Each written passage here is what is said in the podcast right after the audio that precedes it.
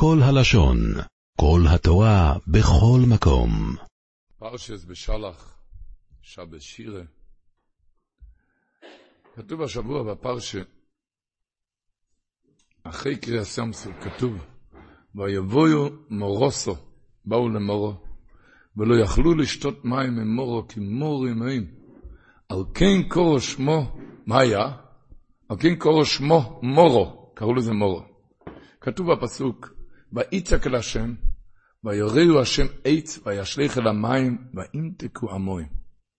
כידוע, חז"ל אומרים שהעץ הזה, שקדוש ברוך הוא הראה לו לזרוק שם על המים המרים, זה היה עץ מר, עץ מרור.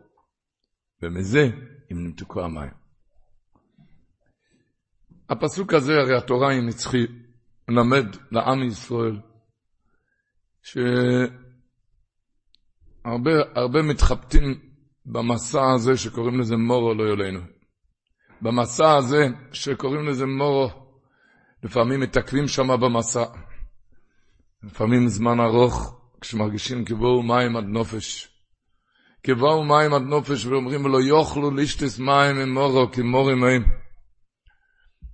אבל לדעת להתחזק, כמו שהקדוש ברוך אומר בתוירה, ויראו השם עץ וישלך אל המים, וימתקו המוים. מה יתגלה? שאותם המים בעצמם הם מתוקים, רק המתיקות נסתרת עד שהקדוש ברוך הוא גילה להם את מתיקותם. ככה לדעת בכל מצב של מורו, לדעת שהקדוש, שכאן מוחבא מתיקות, אתה עדיין לא רואה לזה. לכן מסבירים, שואלים קושייה, שלמה קראו לזה מורו? היו צריכים לקרוא לזה מתוקו. מה היה הנס? שנמתקו המים, תקרא לזה מתוקה, למדת מורו? אלא מה? אומר הרב רב חצקל קוזמירו, שהיהודים אמרו שם, מורו, מים מרים, אי אפשר לשתות, זה מר. מה התחננו? התחננו, צעקו, אבינו שבשמיים, תשלח לנו מים מתוקים, תשלח לנו מים. חשבו על איזה ניסים, יגיע איזה מים. אבל זה שהמים המרים יתהפך למתוק, ועוד איך? כשאני אזרוק לשם עץ מר, וככה זה יתהפק למתוק, כזה תוכנית בכלל לא שיערת. בכלל לא שיערת בדעתך. אז ככה כן קורו שמו מורו, שבכל עת צרה וצוקה, אתה לא צריך לתת עצות לקדוש ברוך הוא, הקדוש ברוך הוא יהפוך לך את המר הזה, שכאן יהפך למתוק. זה יהפך למתוק. ברצוי השם, אז קראו לזה שם מורו כדי לזכור בדוירוס בכל ההיסטורו עם רירוס, שהצרה עצמה היא עצם המתיקות, שם יתגלה לך כשאתה... לכן כתוב, חז"ל אומרים, במדרש תנחומה, רבן שמעון מגמלי אלוהים אומר, בואו ראי כמה מפלואים דרוכו של הקדוש ברוך הוא, יותר מדרכי בשר ודם. בשר ודם במתוק הוא מרפא את המר, שם דבש או סוכר, בזה הוא מרפא. אבל הקדוש ברוך הוא במר מרפא את המר. הקדוש ברוך הוא ציווה להשליך עץ מר לתוך המים, וככה דייקה על ידו נמתקו. למה? כשבן אדם רואה, נסתמו דרכי הישועה בפניו, לא רואה מאין יבוא יזרי. לא רואה שום מבוא להצלתו. אל תאבד את העשתונות, תתחזק באמונה שאין מעצור להשם להושיע. ברב ובמעט, אתה רואה, הקדוש ברוך הוא משדד מערכות, מבטיק בר במר. הקדוש ברוך הוא יעזור, הישועה שלך גם תבוא. לכן קראו לזה לדורס אוילום בשם מורו. לכן, בשירה כתוב, עומר אויב ארדויף אסיג החלק שולו. תמלואי מוי נפשי אור יכחר בתורשם היהודי. שואלים, למה זה כתוב בשירה? אתה צריך להזכיר כאן בשיר, בשירה מה שהיה עומר אוהב ארד פרסיק החלק שלום. מה, מה, אתה צריך, מה אתה צריך לכתוב כאן מה שפרוי חשב? מה אתה צריך לכתוב מה שפרוי חשב? הוא רצה להשיג את עם ישראל, מה אתה... תגיד שנבקע הים מאסונים. עומר אויב, אתה צריך להגיד את המחשבות שלו. עומר אויב ארד פרסיק, מה היה המחשבות של פרוי? מה אתה צריך להזכיר את זה בשירה? ובכלל שואלים גם, למה באמת הקדוש ברוך הוא סייע בידו של פרו שירדוף אחרי בני ישראל, ובים זה נבקע. למה הקדוש ברוך הוא לא עצר אותו בהתחלה שלא יוכל לרדוף? למה לא? התשובה היא אותו יסוד. שהקדוש ברוך הוא רצה להראות לעם ישראל, אני לא צריך לעצור אותו שמה. אני יכול להמתיק מר במר, הוא יבוא אליך ושם יהיה הישועה. שבן אדם ידע לדויר לסוילום, שבמצב הכי גרוע, שם גם אין מעצור להשם להושיע. עומר אויב, הדמיונות שלו היה ארדו, יפעסיק, אכל לקשולו, להראות כוחו וגבורתו של הקדוש ברוך הוא. הוא סייע ביד פרעה, תרדוף אחרי בני ישראל, תשיג אותם. ועל פי דרך הטבע לא היה שום עצה איך להינצל. אבל הקדוש ברוך הוא קרא את הים והעבירונו בשכל בחורבו. לשם כך זה נכתב בשירה, עומר אויב, להשריש בנו, שנתבונן, שכבר היה כפסע בינם לבין המוות, הקדוש ברוך הוא יכול להשיע את האדם באופן, באופן שלא עלה על כלל על דעתו. זה העבורת כאן בעומר אויב. שהקדוש ברוך הוא יכול להשיע אותך במצב שאתה לא, תוכל, לא תעלה בכלל על הדעת. עומר אויב ועוד פסיק החלל, והוא הגיע לשם ושם נקרא הים. ולא רק זה, אלא להגיע לים, זה היה מצב שהיה נראה אבי אבות המורו, אבי אבות הבעיות. אני כמה ים, איפה אני אלך? ושם היה הישועה הגדולה. שם, איפה שהיה נראה לך הצרה הכי גדולה, אין דרך להמשיך לברוח מפרו, יש קיים. ודי ככאן היה פתח להצלה הזה, ייבקע לשתיים, ואתם ניצלתם במצרים, והמצרים יענוסו לקראתו והתאבו. לגבי הרוטפים גם, לגבי פרוי. לאחר מייסה הוברר, שכל מה שפרוי עשה הוא רדף אחי בני ישראל. הוא רדף, כל הרדיפה הזאת, זה קירב אותו לעונש שלו. זה קירב אותו, הוא חשב, הוא מגיע כאן הוא יגמור אותם. ודי ככאן זה קירב אותו לעונש שלו. ככה שתדע שהכל בידי השם. ויקובדו בפרוי וכל חילו, הקדוש ברוך הוא מסבב את הסיבס להביא לו את תכליתו. ו... ושמה לדעת, להתחזק לכן בכל מצב, מה שאומרים השבוע, ותיקח נירם הנביא עשה טוב ביודו, למה היא לקחה טוב? למה טוב? למה לא כינור? טוב, מתי הוא שר? כשמכים אותו. אם אדם מקבל מכה, הוא מתחזק באמונה בבורא עולם, זה השיר הלקאי. בתופים ובמחולות. מה זה תופים? תופים זה מכים אותו, ואז הוא שר. אם אדם מקבל מכה ומתחזק באמונה, ושר אז לבורא עולם, זה, זה, זה השירה, זה השירה האלוקאי, שמתחזק מתחזק באמונה כשאחרי מכה, איך אומר הנציב, כתוב במחילתה, חז"ל אומרים, זה קהילי ועמביהו, וכולם יודעים מה שכתוב במחילתה, שהיו מראים באצבע, רוע שפכו על הים, מה שלרוע יחזקאל בן בוזי במארס הנבואה. מי אמר זה קהילי? מי אמר את זה? השפחה אמרה את זה. שואל הנציב, מאיפה אתה יודע שהשפחה? אולי הצדיק הדור אמר זה כלי ואמביהו. איפה כתוב בתורה שזה כלי ואמביהו אמרה השפחה? אז הוא אומר הנציב ככה, זה כלי ואמביהו, כזה הקדוש ברוך הוא אני אוהב, הוא בוקע לי את היום, נותן לי ביזת הים, זה כלי ואמביהו, שפחה מדברת ככה. צדיק, הצדיקים אומרים בכל מצב, אפילו אחרי מכות מודים לקדוש ברוך הוא. להגיד זה כלי ואמביהו, רק, רק כשיש בקיעת הים, אז אני אשבח אותו, זה מאמר השפחה. יהודי יודע שבכל עת ובכל מצב הוא, הוא, הוא, הוא, הוא נאמן, מאמין בקדוש ברוך הוא, ומתחזק בו בכל עץ ובכל זמן. כמו כן, אומר הכסף סופר, שהיה השבוע בסוף הפרשה מלחמת המולק, כתוב, ויבן מוישה מזבח אחרי המלחמת המולק, ויקרא שמוי, השם ניסי. בדיוק השם, כאן השם ניסי, היה כאן קריאת ים סוף, היה כאן נסיעת מצרים, כאן השם ניסי, כאן יש ניסים, כאן, כאן תקראת, קראת השם ניסי. אז הוא אומר פשוט, כשהיה קריאת ים סוף ויציאת מצרים, כל אחד ראה שזה רק הקדוש ברוך הוא. זה רק הקדוש ברוך הוא, יקד השם. מתחיל מלחמה, מלחמת עמלק, כאן אתה יכול לחשוב חס וחלילה כוחי ורוצה מידי, מיד הוא קרא לזה השם ניסי. שתדע, זה לא, לא הכוח שלך. שלא תדמה, שלא ידמה לך בכלל שזה כוחי ועוצם ידי, אלא תדע תמיד השם ניסי. כאן, כי בניסים יציאת מצרים, קריאת יסוף, כל אחד ראה שזה רק הקדוש ברוך הוא, אבל רוצה להשריש בנו, שבכל דבר, בכל מיני מצובים, תבין שזה רק השם ניסי, רק ניסי מאת השם. אומרים שאצל הבלטנגה, היה לו איזה חסיד, שהוא נקט עצים, עשה חבילות עצים. זה הפרנסה שלו. אז הוא היה סופר את זה, כאן יש חמש, כאן יש עשרים, כאן יש עשרים וחמש, כאן יש שישים. כשהגיע, ספר, חמש, עשרים, שלושים, הגיע לסך הכל, הוא צעק, אין עוד מלבדו. לא עשה חשבון, אין עוד מלבדו. לא עשה חשבון. אז אמרו שהוא לא, זה לא היה אצלו בתוכנית, אלא הפלטיים הכניס להם ככה בדם, שאין עוד מלבדו, אז פעם כשהגיע דמיון של כוי חיבו עצם יודי, אין עוד מלבדו. אם יגיע סך הכל, אין עוד מלבדו. הלבביץ' סיפר את זה, אז אמר, אז למה התחלת לספור בכלל? אל תספור בכלל. למה התחלת בכלל? אמר, לא לספור זה לא הבלטנגי. לא לספור זה אוי סוולט. אוי סוולט הפירוש אז אין עולם. אין עולם. זה לא, זה לא הבלטנגי. יש עולם. רק כשמגיע קצת דמיון של כוי חברו עצם יודי שם, אין אה, בסך הכל, אז תצעקן לנו בעד. זה, זה יכניס בהם.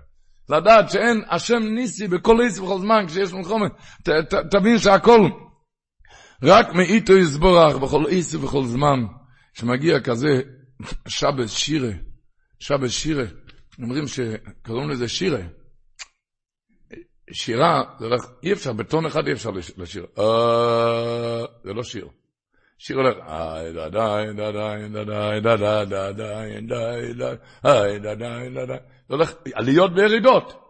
רק ככה השיר האלוקאי, כשבן אדם הולך לו רק חלק, הבן אדם מורכב מעליות וירידות, ואז תשאיר את זה, תשאיר את זה, זה שבת שירה. השיר שבכל מצב הוא יודע עם הקדוש ברוך הוא. זה לא מצב, אותו מצב, לדעת בכל מצב בירידס כמו בעליאס, בכל דבר לדעת. אומרים, כולם יודעים, הגמר אומרת, כל רמא ויכולו, נעשה שיתף לקדוש ברוך הוא ומעשה בראשיס. אין לנו מושג בדברים האלו. כביכול, כביכול, אבל הקדוש ברוך הוא ככה ברא את העולם, שבכל יום היה משהו. בשש עצמי בראשיס. יום הראשון, ראה את האור, שזה לא ראוי, גם זו לצדיקים לעתיד לבוא. האור, וירא אלוקים את האור כטוב, ראה את האור שזה לא ראוי לכל העולם, גם זו לצדיקים לעתיד לבוא. היה כאן משהו ביום ראשון, היו צריכים לגנוז משהו. יום השני, מים התחתונים בכו? מים התחתונים בכו? למה ריחקו אותנו? האבא רואה, הבנים בוכים. מים תחתונים, הלאה, היה משהו כאן ביום השני. הקדוש ברוך הוא הבטיח להם אחר כך שיקחו מהמים לנסוכם. יום השלישי, מי שזוכר, היה בעץ אויסה פרי. מה היה? האדמה חטאה. הקדוש ברוך הוא אמר לה לעשות עץ פרי, תם עצה ופיר יושבים, והיא עשתה עץ אויסה פרי. היא חטאה, היה כאן משהו, משהו לא. ביתה. יום רביעי, יום רביעי, השמש והלבנה, הלבנה קטרגה, התחיל הסיפורים עם הלבנה. קטרגה, אין שני מלכים משתמשים בכתר אחד, לכי ומעטי את עצמך, יום רביעי, אללה היה שמח. יום חמישי, הלוויתן נברא, הדגים. הנקבה היו צריכים למלוח לצדיקים לעתיד לבוא, ראה שהנה העולם מתקיים, לקח את הנקבה, הרג אותה, מלכה לצדיקים לעתיד לבוא. זה יום חמישי. יום שישי, לא צריכים לספר מה היה, עוד המראשון חטא. על זה סובלים עד היום. אחרי כל הבריאה של השש ימים האלו, וירא אלוקים את כל אשר עושה והנה טוב מאוד, יש כאן נפילות, זה, על זה עכשיו, זה, זה הבריאה ויחודו השמיים. יש כאן עליאס, ירידס, יש כאן נפילות, על זה ויחודו השמיים. אתה מתחזק, אחרי נפילות אתה מתחזק באמונה. עכשיו תיקח את הכוס וצעק ויחיד השמיים, לכן כל אוהמה ויחולו. אחרי שבוע שהלך אסל בסל, והוא צועק עכשיו וילכו השמיים, זה נעשה שיתוף לקדוש ברוך הוא במעשה בראשיס. על זה היה הפריאה. שיהודי ידע להתחזק אחרי נפילות, אחרי ירידות, ברוחניות, בגשמיות, אחרי נפילות, להתחזק, להתאמץ, להתחזק. על זה נעשה שיתוף לקדוש ברוך הוא. וירא לקים את כל השור, זה נטוי מאוד. על זה בראתי את העולם הזה. יש לי מספיק מלאכים למעלה, אין שמה. שם אין עליות ירידות אצל המלאכים. אבל כאן, הבריאה כאן, הקדוש ברוך הוא ברא, יודעים שיתחזק בכל עשר וכל זמן, על זה נעשה שותף לקדוש ברוך הוא במעשה בראשית. נעשה שותף. אנחנו יודעים, שבוע, יום שלישי בשלח, זה סגולה גדולה להגיד פרשס המון שניים מקר ואיך תרגום. האמס היא שבהלוכה בסימן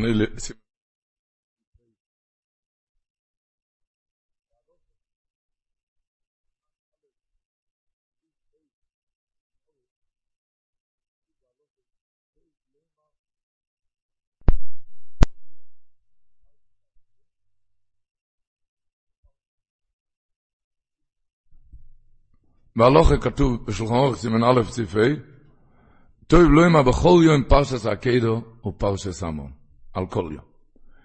והרבינו בחי כותב, רבותיי, מרבי סיינו הראשון, וקבולו ביד החכומים, כי כל האוימר פרשס המון בכל יום, מובטח לוי, אבטוחה.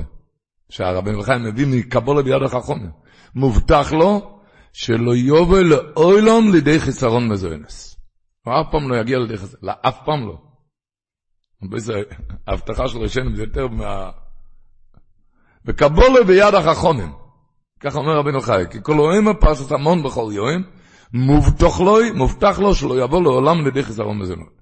גם בתשבץ, התשבץ עם הראשונים, בציין הראשונים, בציין הראשונים וו, הוא מביא בשם הירושלמי, כל האוימר, שם הראשון יותר חריף, התשבץ מביא ירושלמי, שכל האוימר פרשת המון בכל יום מובטח לו שלא יתמעטו מזונותיו, והתשבץ כותב על זה, ואני עורב. ערב, את התשבץ לעורב, שלא יתמעטו מזונותיו. על ערב כזה אפשר הרבה דברים על החשבון של הערב כזה.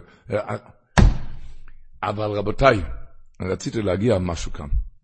לא, סתם ככה לדעת שזה לכל יום סגולה, הבטחה של ראשונים. אבל כתוב בהלוך, התז מביא, שלמה יש סגולה להגיד פעמים מובטח לו, למה מובטח לו?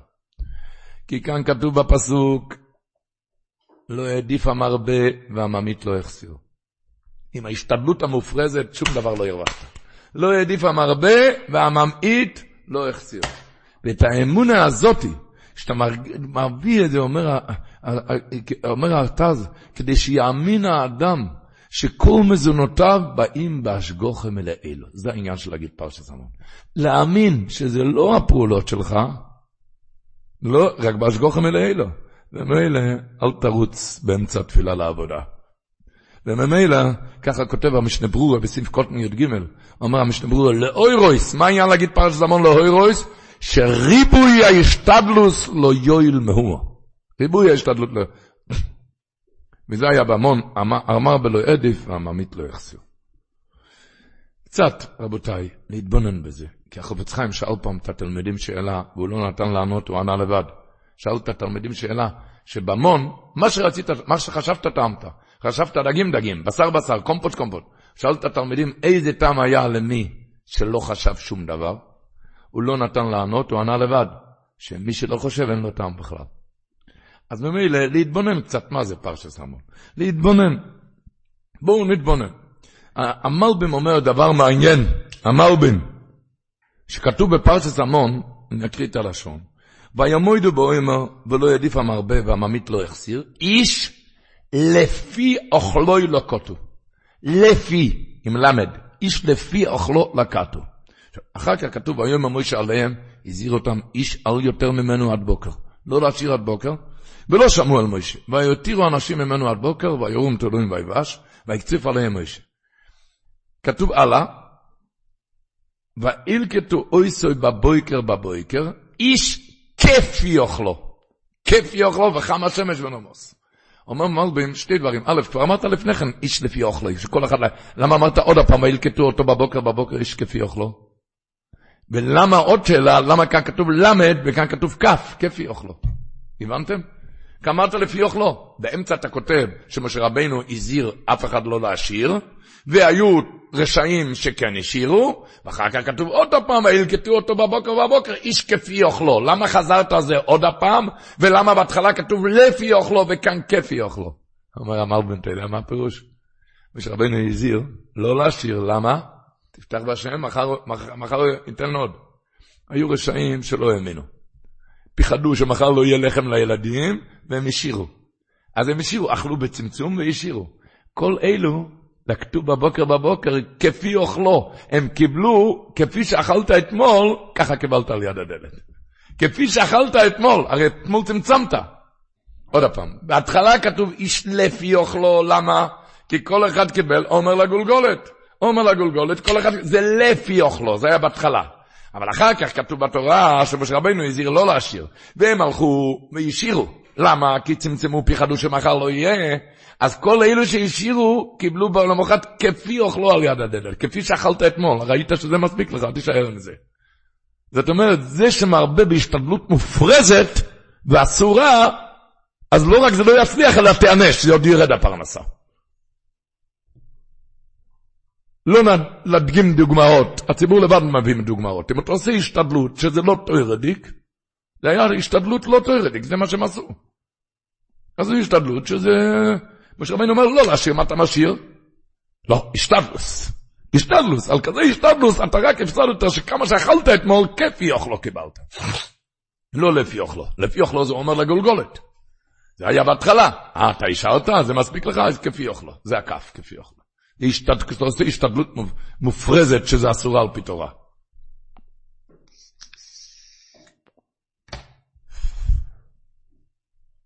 כל הדברים. לא על חשבון שיעור תורה, ולא על חשבון תפילה, ולא על חשבון יראת שמיים, גדר ויראת שמיים. החשבונות האלו זה לא נקרא השתדלות.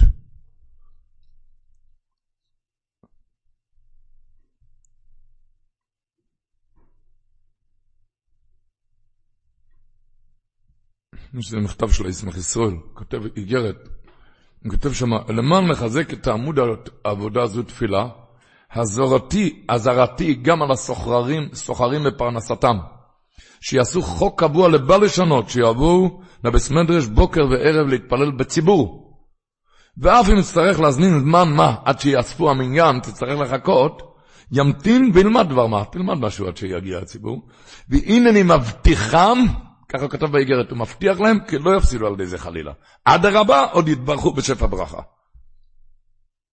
הוא הבטיח להם שלא תפסיד שום דבר מהתפילה בציבור. אתם צריכים לחכות, אתה אף שום דבר לא תפסיד מזה.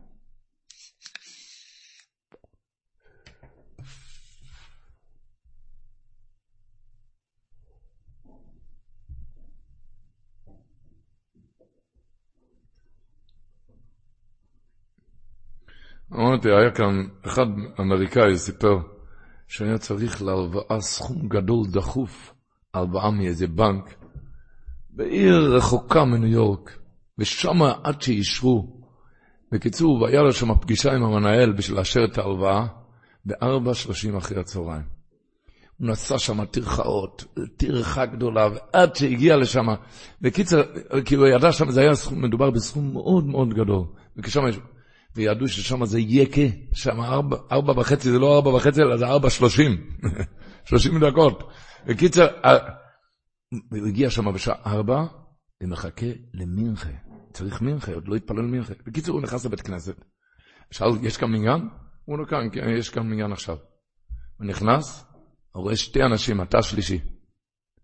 אוי, אוי, אוי, אוי, ארבע שלושים הוא צריך חייב להיות שם.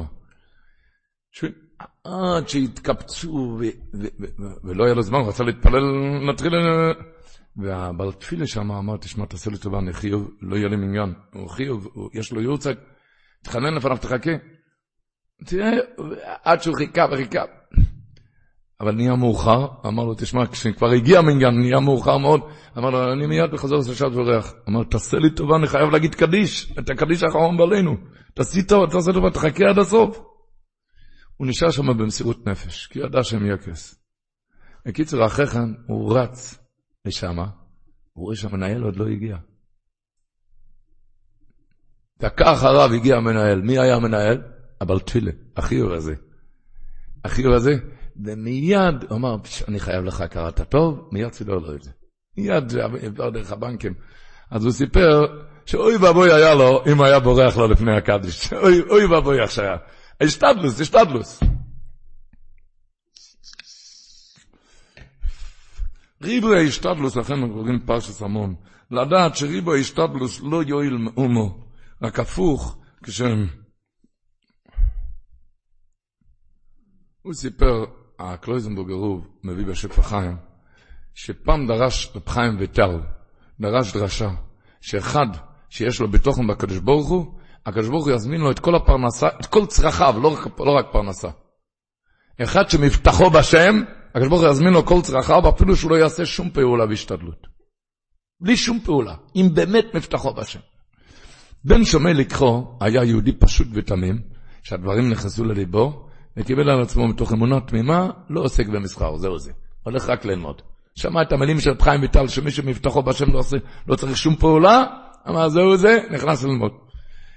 והגויים שהיו באים לח, לחנות שלו כרגלם תמיד, צחקו עליו, מה איתך? מה אתה לומד? השתוממו, אמר, אני מפסיק, אני בוטח בשם. צחקו עליו, הגויים, אתה נורמלי. אחרי כמה ימים ישב ולמד, גוי נכנס לחנות שלו, הוא הגיע עם פרווה כבדה, שהוא קנה את זה בסכום קטן, והוא רצה למכור את זה ליהודי בכסף. הוא קנה את זה בסכום, הוא קנה את זה בסכום קטן, רצה למכור את זה ליהודי. והוא אמר לו, היהודי ענה לו, אני הפסקתי לסחור, זהו זה. הוא צעק לו, הגוי, מה אתה, מה? הוא זרק לו את הפרווה, הוא אמר לו, תשמע, אני משאיר את זה כאן הפרווה, כשיהיה לך כסף, תזדמן לך, תשלם לי, כן? מה, מה אתה אומר? אני משאיר לך את הפרווה כאן, כשיהיה לך כסף, תשלם לי. והוא הלך. אמר לו, קשה לי לסחוף את הפרווה הזאת, זו פרווה כבדה. משאיר לו את זה. אחרי שהגוי יצא, היהודי רצה להניח את הפרווה, אז רצה להניח, הוא הרים את זה, אז הפרווה נקרעה. ונפלו מבין הקרעים דנרי זהב רבים. אתם יודעים מה זה דינר זהב? דנרי זהב זה היה השירות הכי גדולה. דנרי זהב, ויהי לפלא. ממש, איך שהקדוש ברוך הוא שולח. אז סיפר שהיהודי הזה, ליהודי הזה היה שכן. שהוא ראה מה שהתקיים כאן, הבטחה של רב חיים ויטל. רב חיים ויטל אמר, מי שפותח באמת בשם, לא צריך שום פעולה, הקדוש ברוך הוא מזמין לו כל צרכיו. אז היהודי השני רץ לרב חיים ויטל, השכן, ואמר לו, שאני גם רוצה להפסיק, אני רוצה לחכות לפרווה זהובים. אז לא, היהודי הזה עשה את זה. היהודי הזה, החבר שלו, גם אמר, אני מפסיק לעבוד, והוא גם הפסיק לעבוד, וחיכה לפרווה, ולא הגיע. הפרווה לא הגיעה, אז הוא נכנס לרב חיים ויטל, למה לחבר שלי הגיע פרווה, למה אליי לא הגיע פרווה עם זהובים? אז אמר לו, החבר שלך בטח בשם, בלי, ל... הוא לא חשב על הפרווה, איך הקדוש ברוך הוא ישפיע לו, הוא שמח על הקדוש ברוך הוא באמת, הוא לא חשב איך, אז הגיע לפרווה. אתה חיכית לפרווה. כשבן אדם עושה לי עצות, זה לא נקרא אה, בתוכן בשם.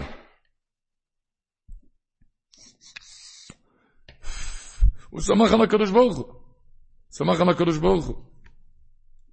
היי, שמח על הקדוש ברוך הוא, זה, זה הפרשיות האלו, פרשת בשלח שבס שירה. אוימר לגולגוילס, איך הוא אמר אוימר לגולגוילס? אוימר, השפע זה יורד לגולגוילס כמה אמונה שיש בראש. אז זה כתוב פרשת המון, אוימר לגולגוילס. שהשפע הוא לפי האמונה שיש בראש. כך כותב הנועם אלימלך פשט, הנועם אלימלך אומר פרשת המון מתחיל, ויאמר השם אל מוישה, הנה נממתי לכם לחם מן השמיים. אני מוכן להמטיר לבן אדם שפע פרנסה מהשמיים, שום דבר לא יחסר לו.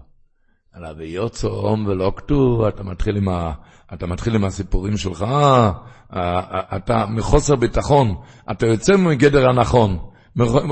ולכן ולא כתוב דבר יום ביום, צריך להתחדש אליו לכיתה מחדש. כל יום. כי אם הוא היה בוטח בלב נאמון, אומר הנאמון המלך, הייתה פרנסתו מזומנת לו שלא בצער ועבדות כלל. כי אם כמטר הזה ההולך שלו ביגיעה, כמו ממטיר. הנני ממטיר לכם לחם מן השמיים. זה היה הולך כמו גשם, בלי יגיעה. אתה משהו מתייגע על המטר? לא. ככה היה מגיע לחם מן השמיים. רק מה, בגלל ויוצאום, אתה יוצא מהגדר הביטחון. אתה רוצה קצת לעזור, אה? אתה רוצה, אז ולא כתוב דברים, בבקשה, תדאג לך לכל ילד, לכל חודש, לכל... הבויס ההשתדלוס צריך לעשות, אבל אפשר לעשות את ההשתדלוס עם הקדוש ברוך את ההשתדלוס עם הקדוש ברוך הוא. איך אמר מאיר פעם שלנו, השם ילוחם לכם ואתם תחישון. הקדוש ברוך הוא ייתן לך לחם ואתה תחרוש. תזכור, תזכור, תזכור שהקדוש ברוך הוא נותן לחם. וממילא רבו ישי, את זה להשריש בלב קצת, שה... איך הוא כותב, רבי סברון, שהכלל גודל באמון, בפרנסה, אחד שמאמין שהקדוש ברוך הוא זמן מפרנס, מביא את השפע הפרנסה. אחד שמאמין בעצמו, בכויכו ובעצם יודו, בזה הוא דוחה את הברכה ממנו. אומר רבי סברון, עובדו אמונו, לכן נכנסו מפיהם הפרנסה הלחם לפה. למה נחרט הלחם לפה? בגלל עובדו אמונה. כי אתה חושב שהביזנס שלך עושה את זה. אמונה זה סדר זרועים, כמו זרע באדמה, כשזה נרקב, אז זה צומח. אם אתה תדע שאתה נרקב, אתה שום דבר לא, אז יצמח עליך פרנסה. זה אמונה. אמונה זה סדר זרועים, שכל עוד שיש גרעין של תקווה במעשי אדם בעצמו, כל זמן שאתה תשית עצות בנפשו, אז זה עדיין חסר באמונה. אמונה זה סדר זרועים שירקב לגמרי, אז זה מתחיל לצמוח. אותו דבר, כשאתה תכיר שבעצמך, אתה זה גורני, שאני עושה את ההשתדלוס, כי הקדוש ברוך הוא ציווה לי לעשות את ההשתדלוס. וצריכים באמת לעשות את ההשתדלוס, אבל רק בגלל שהקדוש ברוך הוא ציווה, אבל לא ההשתדלוס מביא את הדבר. כשזה יירקב, אז על זה צומח פרנסה. עובדו אמונה, בגלל שנאבד האמונה, לכן נחרטה מפיהם, נחרטה הלחם מהפה. אז הוא אומר ככה, הוא אומר, זה הפירוש, לכן כתוב, בוא תרבו לב בא לו ושולו לא יחסור. זה, זה לעומת זה. אחד שעבדה האמונה, נכרתה מפיהם, מה נכרת הלחם? בוטח בו לב בעלו, אתה בוטח בקדוש ברוך הוא, אז שולו לא יחסור, לא יחסר לך כסף. לא יחסר לך כסף. כי על ידי הביטחון בשם, אז השולו לא יחסר. אז מסביר, לכן לא ירד מון בשבס. למה? למה לא ירד מון בשבס? פרשת השבוע. כי כל ברכון בלילה וסתו, כל הברכות, כל הברכות זה בשבס טליון. והקדוש ברוך הוא רצה להראות שהפרנסה זה לא, אין לזה שום שייכות עם פועל ידה במלאכתו. לכן דייקה ביום שאסור בעשיית מלאכה, אז זה מקור הברכה.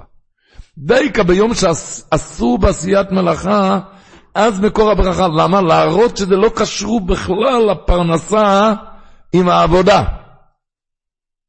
ברור, זה צריך להיות ברור. אתה מצווה לעשות פרנסה, אתה חייב לעבוד, הקדוש ברוך הוא אמר שיש את יום תעשה מלאכו, תעבוד. אבל זה לא קשור בכלל אחד לשני. הברכה, לכן הברכה הגיעה די כביום שאסור לעבוד, לא יורד מו.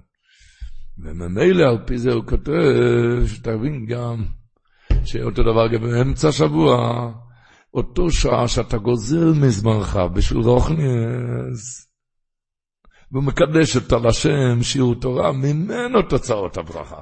כי אתה ראית בשבת, בש... ביום שאתה לא עובד, מזה הבאה הברכה. אז ביום, ש... גם באמצע השבוע, בימות החול, כשאתה קורא רייס צחופ, הוא כותב, רייס צחופ, הוא גוזל מזמנו בשביל ללכת לשיעור תורה, לתפילה בציבור. דייקה משמה, משמה הברכות. לא רק הוא לא יפסיד מקביעות עיתים לתורה בתפילה בציבור, רק אדרבה, משמה הברכה, כמו בשבת, שמשמה הברכה בזמן שהוא לא עובד. את זה, רבותיי, להשריש את זה בלב, לחיות עם זה, לחיות עם זה. איך אומרים, למה, למה נותנים לציפורים השבת לאכול, בערב שבת, למה? ראיתם פעם איך שציפורים אוכלים? מחופפים את הראש, הם מיד מגביהים. מחופפים, הם מגביהים. מחופפים. ככה יהיה העבודה. תעשי השתדלות, אבל מיד מגביהים, מסתכלים כלפי מעלה. לדעת שהכל מהקדוש ברוך מיד מסתכלים כלפי מעלה.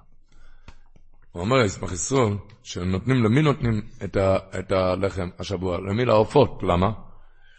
הוא אומר, ישמח ישראל, השור והחמור, במיעוט דעתם, הם חושבים שהלחם מגיע להם בדין. זה מגיע להם בדין, למה? הם עובדים לבעל הבית, עובדים שם בשדה, בקרן, מגיע להם. אבל העופות, שהן לא מועילות כלום לבעליהם, הם, הם לא עושים שום טובה לבעל הבית. אז הם יודעים שהם לא מקבלים מזונות רק בטוב לב בעליהם. שום דבר, לא מגיע לי. ואני לא עושה לו שום דבר.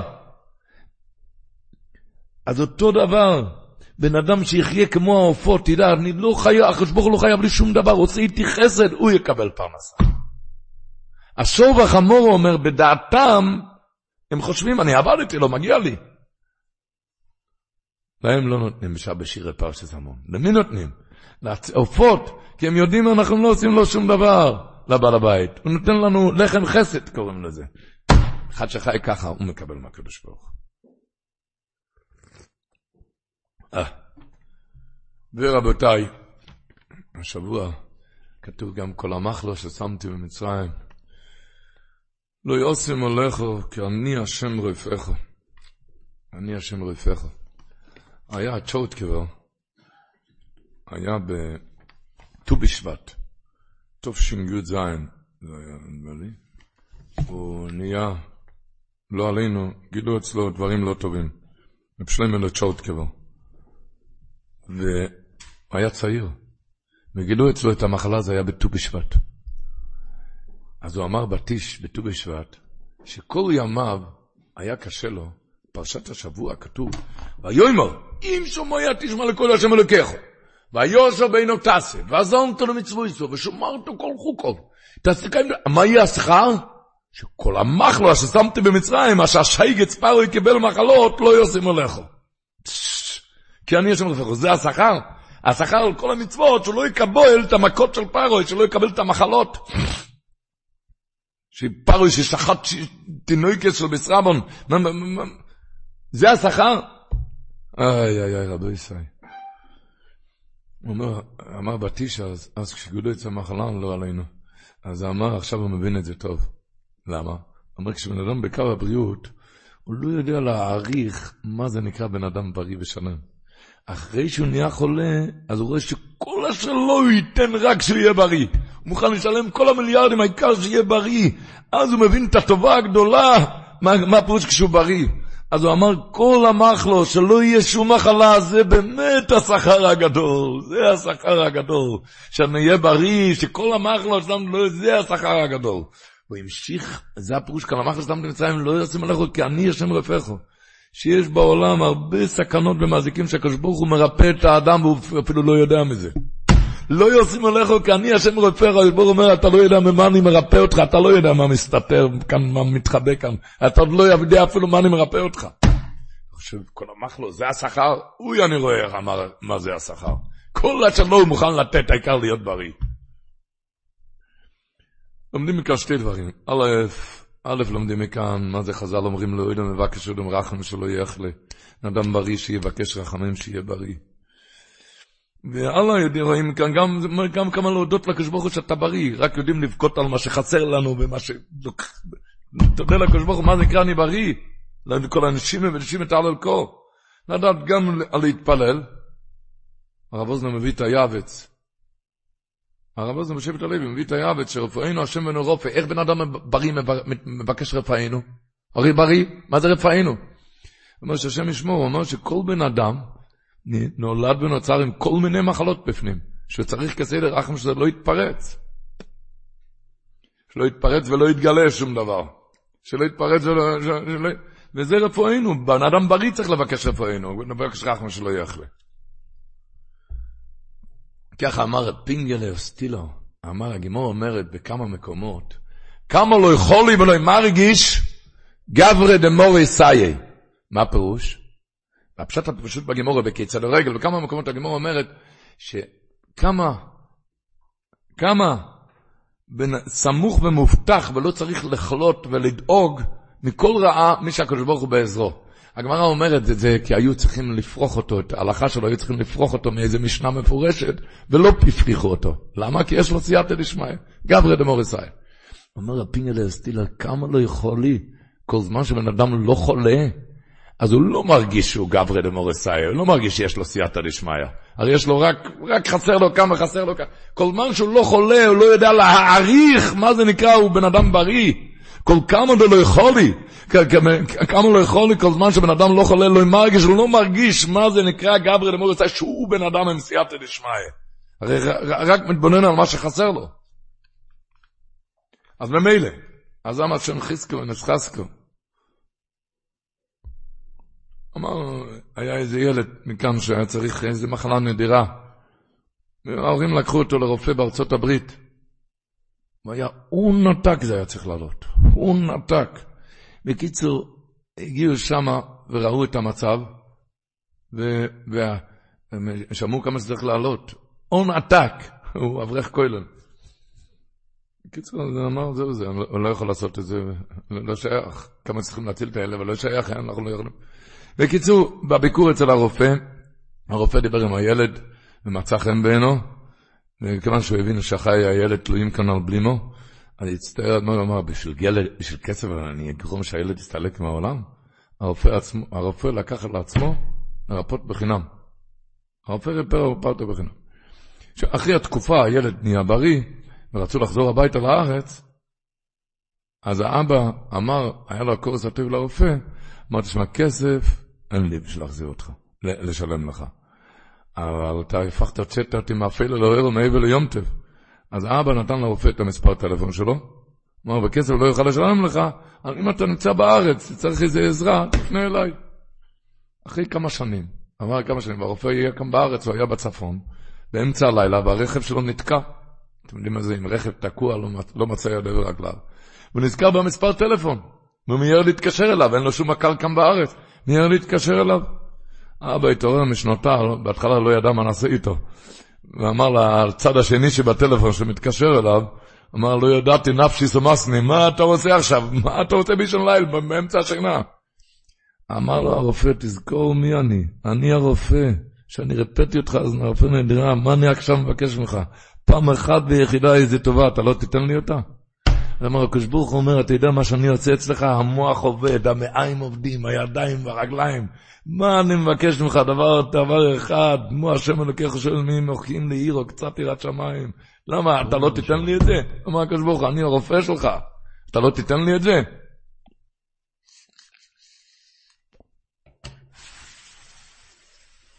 ובכלל הוא מתכוון לרפואתנו ולישועתנו. הוא אמר פעם, כתוב כל המחלו ששמתי במצרים לא אשים עליך כי אני השם רופאך. רב נוסן שטטמר היה פעם איזה רופא שיניים, והוא אמר שהוא ראה באמצע שהרופא הוא תלמיד חוכם גודל, תלמיד חוכם גדול. אז שאל אותו, מה הולך איתך? לך מתאים להיות רב. אני אגיד לך את האמת, אומר לו הרופא, אני הייתי רב, רק ראיתי שלא שומעים בקולי, נהייתי רופא, כאן שומעים בקולי. אמר רב נוסן, שיכול להיות זה הפשט, הקדוש ברוך אומר, כל המחלו ששמתם, אם שמויה תשמע לכל השם הלקחו, ויושב בעינו ותעשה, ועזמת למצוו יסרו, ושמרת כל חוקוב, אז כל המחלה ששמת אצלכם לא עושים עליך, ותזכור כי אני השם רופאך, אני מדבר בתור רופא, לא בתור רב. זה בריא לי, לשמור תורה ומצוות זה דבר בריא, כי אני השם רופאך, אני מדבר בתור רופא.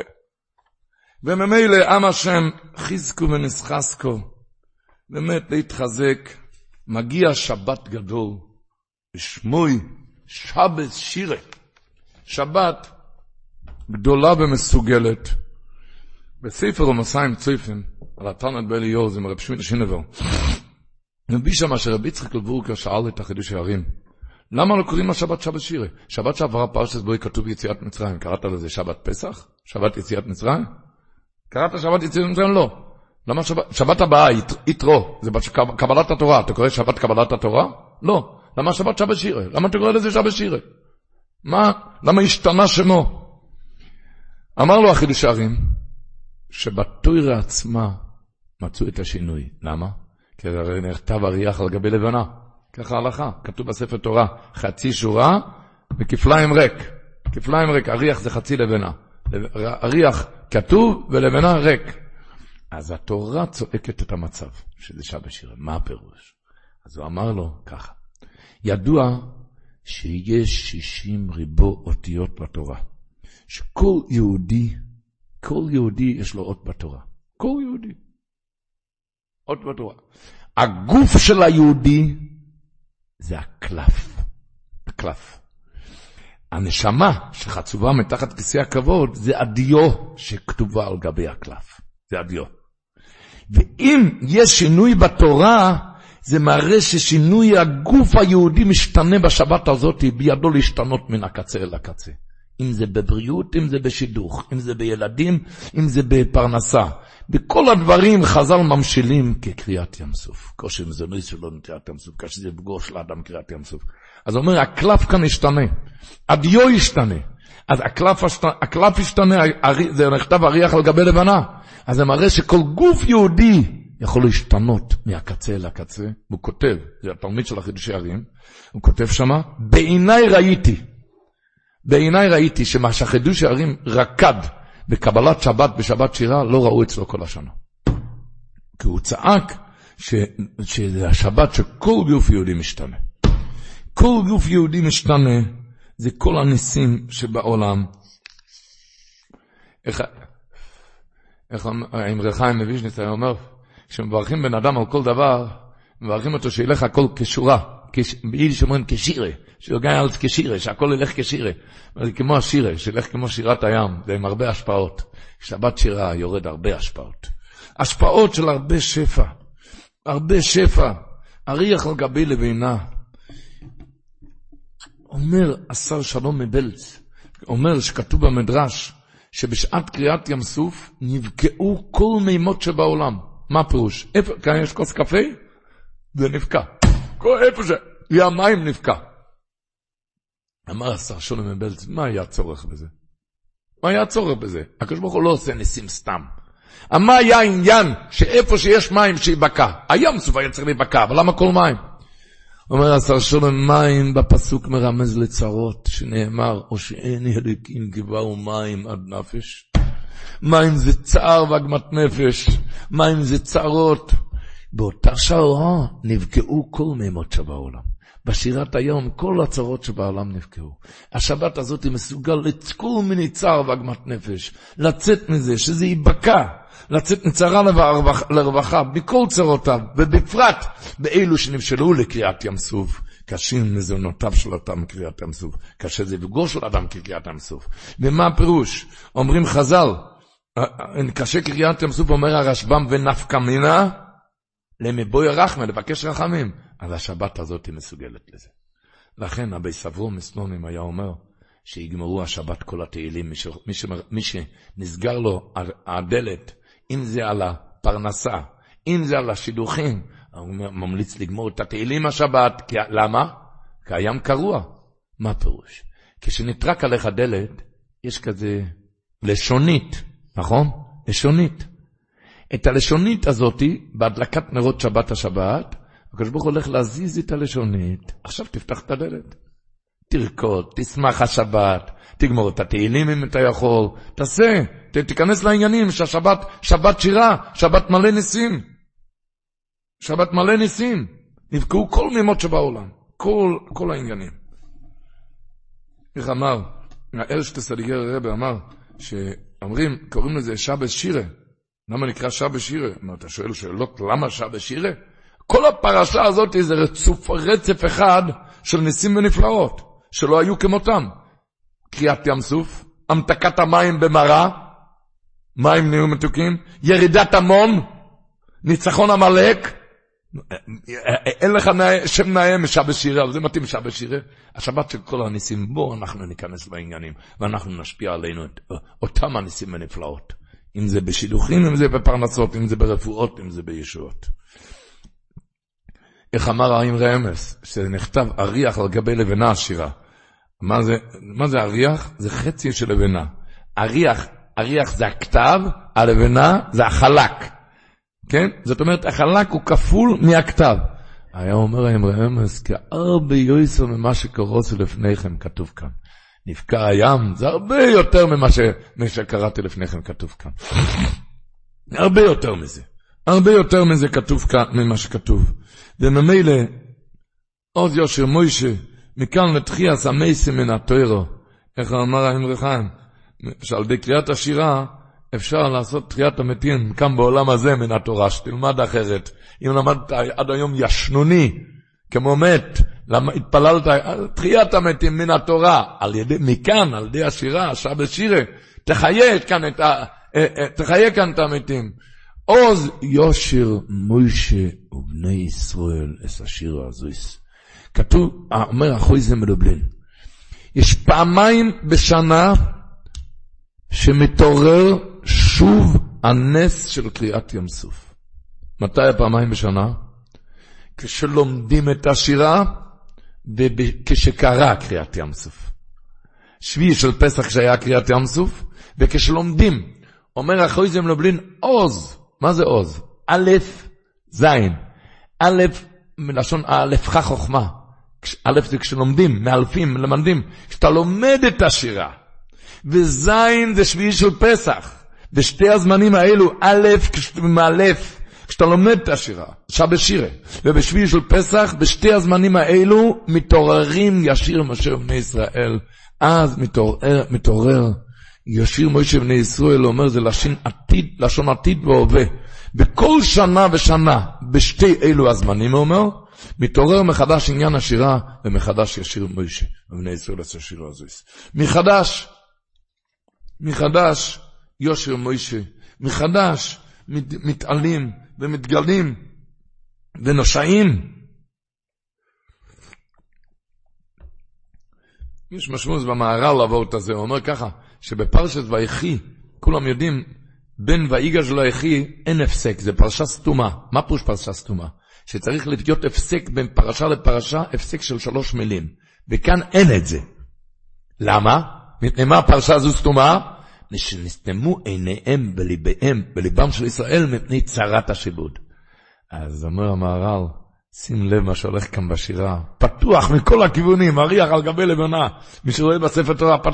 תבין כמה הרחבה וישועות יכול לבוא. כמה פתיחת עיניים ורחבות הלב וישועות יבוא על ידי השבת שירה. על ידי השבת שירה, שזה בעוד, בכל שנה ושנה. כך כותב התסקר מגיד.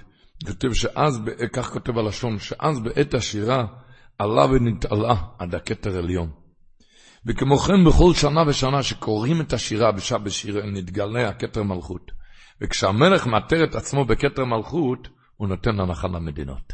זה שעה בשיר אמר. ובפרט במלך המלוכים הקדוש ברוך הוא, שכשמאתר עצמו בכתר מלכותו, בוודאי ייתן הנחה לישראל, וימלא משאלות בני ישראל בכל השפעות והברכות, בכלל ופרט ברוחניות ובגשמיות, בו נחי המזוינה ברפואה בקרוב במהרה בימינו. ההכנה לשבש שירה, רבותיי, זה כמובן מה? השירה בעצמו. השירה בעצמו. מה פירוש השירה בעצמו? האם רמס אומר וורט נורא, אומר ככה, אומרים בשירה, עד יעבור עמך השם, עד יעבור עמזו קוניסו. מה פירוש קוניסו? אתה קנית אותנו. איך אתה קנית אותנו? באיזה קניין? עד יעבור עמזו קנית, הקדוש ברוך הוא קנה אותנו, באיזה קניין הוא שואל? אתה יודע איזה קניין? הוא אומר ככה, כתוב, הגמור אומר בקידושין בייס, שעבד, אם הוא מגביה את האדון, מרים אותו, אז האדון קנה את העבד. באיזה קניין? חזקה. קניין חזוקה, כי הוא עבד בשבילו. במה הוא עבד בשבילו? הוא הרים אותו. הוא הרים אותו, הגביע, העבד הגביה את האדון, אז הוא עבד בשבילו, זה קניין חזוקה. חזוקה נקרא כשעבדת בשבילו. אז האדון קנה את העבד על ידי זה שהעבד הגביה את האדון. אומר רמז, דבר נורא, כתוב בהתחלת השירה, זה כאלי ועמביו, אלוקי אבי והרואים ממנו. מה פה שאתה אומר שירה, אתה מגביה את קו מגביה את קו היוכל את הקדוש ברוך הוא. וממילא אז הקדוש ברוך הוא קונה אותך בשירה. איזה מילים. אוי, אה, מה יש לנו השגה? והרואים ממנו, כשיהודי אומר כאן, עומד כאן קורץ מחרימו, ואומר שירה, אז רבותיי, אנחנו ניקח את העניינים לידיים, כל אחד אומר שירה. אבל כאילו אטו בידקו לקאי הרואים ממקו, תבין שאז אתה מרומם כביוכו. מרומם את כביוכו, כל אחד אומר שירה. אבל אתם יודעים מה שרבי סוכר דוב בלזר היה אומר? שלמה אנשים לא חטאו בעגל. נשים לא חטאו בעגל, אתה יודע למה? בעגל היה מחולות, כך כתוב, וירא את העגל ומחולות. אומר, בשירס הים, אצל הגברים לא כתוב מחולות. אצל הנושים כתוב, ותצאנו כל הנושים אחריהו, אחרי מרים הנביאה, בסופים ובמחולות. אמר לי בסופו דוב בלזר, כשיש מחולות בשירה, אין מחולות בעגל. כשאתה תגיד שירה עם יכולות, כל אחד אומר שירה, אבל כשאתה תגיד שירה עם שמחה, עם שמחה כמו שמובא בפוסקים, מה מובא בפוסקים? להרגיש שעכשיו אני עובר את הים, עכשיו הקדוש ברוך עושה לי את הנס, ככה תגיד את השירה. אז אין מחולות בעגל. אתם יודעים למה שבט לוי לא חטאו בעגל אומרים? כי שבט לוי הם עמדו על השיר. כששרים אין עגל. מי ששר בעבודתו, כל אחד עובד. אבל יש אחד אומר שירה, ואחד אחד שאומר ששר שירה. אז יושר מויש, ישיר מויש. ואז, הוא אומר, אין, אין, אז אין מכולות בעגל. אתה מחיה. אז אין מכולות בעגל. בשול משבדרון היה מספר, מובא בבמייס איש, חלקי דף ק"ל. והרי אמר דרשות בזיכרון מוישה בירושלים בליל שבת. ובשביל, היו צריכים לקרב, למשוך ליבם של השומעים, אז הוא עשה הרבה מלצה לבדיחוסי. אני לא יודע הרבה, אבל עשה כמה וכמה מלצה לבדיחוסי. והיו כמה אנשים שניגשו אליו בקנאות, בקנוס, ומחו על הליצונוס, ואמרו לו, רבי שלום, לא כאן המקום ולא כאן הזמן, אתה תסתלק מהמקום כאן. אם כאלו בדיחות זה לא המקום כאן, בשום פנים ואופן. אמר רבי שלום שבדון, שהוא תפס אותו פחד, אולי באמת אסור לעשות את זה. אז הוא נסע לחזון איש, לשאול. אז החזון איש אמר, אני רוצה לשמוע, תוריד, לא נשמע אותך. נשמע, והוא הוריד לו כמה דברים. והוא הקפיד לעשות את זה עם הרמ"ח ושסו כמו בדרשה, כי הוא רצה לדעת אם מותר או אסור. הוא גמר, אמר לו החזון איש, נור עזיז אסתרדן. רק ככה שאתה תדבר. הוא אמר לו ככה, בימים הקודמ, הקודמים בליטה, שמה, דורטן הוא אמר לו, שמה בליטה, טוירו ואירו לא היה חסר. הירידה והנשירה, מה שירדו לאסכולה, זה היה בגלל שהשמחה לא היה אצלנו, היה אצלהם. רק עליך שתדבר, שכאן יהיה השמחה, וככה תציל את הדור. עם השמחה. עוז יושר מוישה. כשיש מחולות בשירה, אין מחולות באבל. אבל בכלל, אנחנו נסענו לאיזה מקום אחר באמצע כאן. אנחנו כאן באמצע השירה. מובא בחרדים דובר נוירו. מה זה השירה? הוא אומר, זה נוגע בכלל ובפרט לימי השובבים. הוא אומר, אנחנו יודעים ברפואות, יש רפואות, טיפולים רפואיים, שלא נדע, שהרפואות האלו עולה גם הרבה כסף, וגם הרבה כאבים וחולשות ותופעות לוואי וייסורים. לאידך, אומר החרדים רבותיי, בפרק ע"ג, לאידך, יש רפואות סגוליות, שזה לא עולה הרבה כסף, וזה מרפא את החולה בלי כאב. למה זה רפואה סגול... רפואות סגוליות? אומר, אותו דבר תיקון בנפש החוטאת. יש תיקונים כמו תניות וסיגופים, שזה מענה את הגוף, מזכך אותו לשוב ולהיטהר. לאידך, יש עניינים סגוליים, שמי שמתעסק בזה, מתחפרים לו כל חטאיו מבלי להתענות, בלי לצום. מה זה? אומר כמה דברים. אחד מהם זה השלישי, או השלישי זה, אומר, לאמור שירת הים בשמחה, כאילו הוא יצא עתה ממצרים, שעל ידי זה מתחפרים לו כל עוונותיו. הוא אומר, זו תרופה סגולית, בלי, בלי צום, בלי עינוי, בלי שום עינוי, בשירת הים, בשמחה. כאילו יצא עתה עכשיו ממצרים. מוסיף החרדים דבר נורא. הוא אומר ככה, כתוב במדרש, פרשת השבוע, ויסם מוישה את ישראל מים סוף. אחרי, אחרי השירה כתוב ויסם מוישה את ישראל. אומרים חז"ל, מה זה ויסה? שהסיעם מעוונותיהם. הסיעם, שנמחלו להם כל העוונות על ידי השירה. ככה אומרים חז"ל. שכל מי שנעשה לו נס ואומר שירה, מוחלים לו על כל עוונותיו. עכשיו תשמעו טוב מה שאומר החרדים. הוא מביא דברי רשב"י. רבי שמעון בר יוחאי אומר, עוד יושיר מוישה בני ישראל ויאמרו לאמור. מה זה לאמור? מה זה לאמור? ויאמרו, השיר על השם, מה זה לאמור?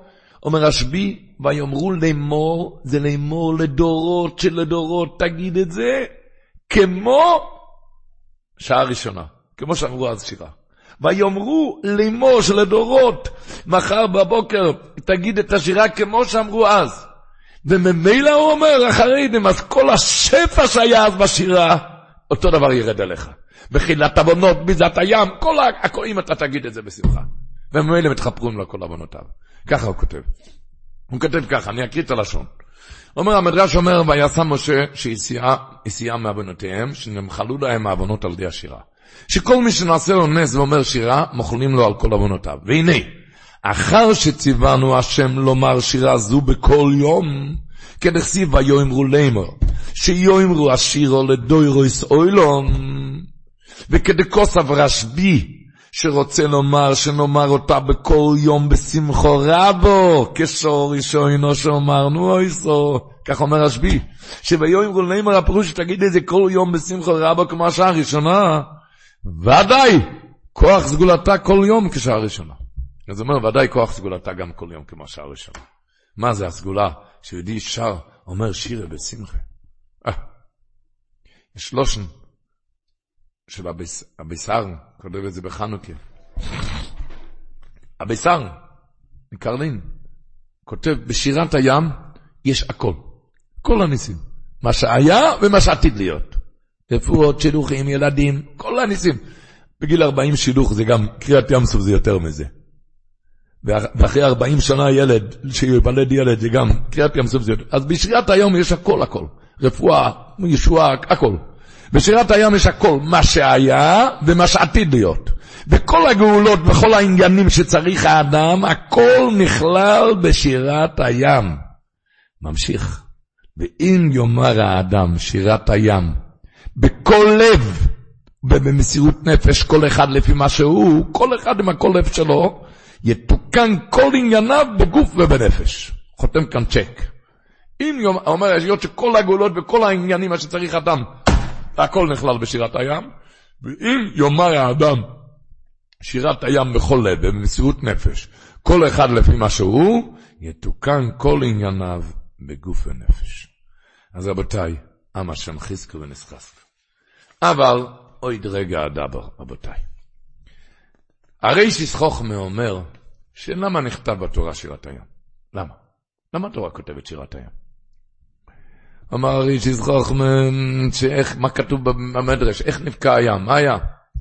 נחשון, הקדוש ברוך אמר למשה רבינו, מה תצעק אליי, דבר אל בני ישראל וייסעו. וקפצו לתוך הים, ונחשון הגיע עד כאן, וצעק, או שאין אליקים כבור מים על נופש, ואז נבקע הים. אומר, זה בא ללמד אותנו דבר אחד. כשבן אדם צריך ישועה, קריאת ים סוף. אתה תעשה מסירות נפש, מיד תבקע לך הים. לכן התורה כתבה את זה. כשאתה תעשה איזשהו מסירות נפש, כל אחד לפי משהו. בן אדם צריכים כל כך הרבה ישועות. כשאתה תעשה מסירות נפש, יתוקן כל הים. יהיה מיד, יהיה מיד ישועות. מכאן נלמד, שכל הרוצה שהקדוש ברוך הוא יעשה לו נס למעלה מדרך הטבע, כשאתה, הרי עליו תחילה למסור נפשו ורצונותיו. כך מביא אבני ססחו מדינוב, בספרו אגרא דפירקה אות כ"ד, בשם רבנו הקדוש, כותב רב מיכה לזלות שלו. בשם רבנו הקדוש רב מיכה לזלות שלו, הוא כותב ככה, שכל הרוצה לפעול ישועה ונס בשינוי מדרכי הטבע, כגון זה שאינו יכול להוליד ורוצה להיפקד בזרע של קיומו, יעשה מצווה גדולה שלא כטיבו, שלא כטיבו, יעשה מצווה גדולה שלא כטיבו, ובזה ישבר את כל המסכים המבדילים בינו לבין הישועה הנצרכת. וזה...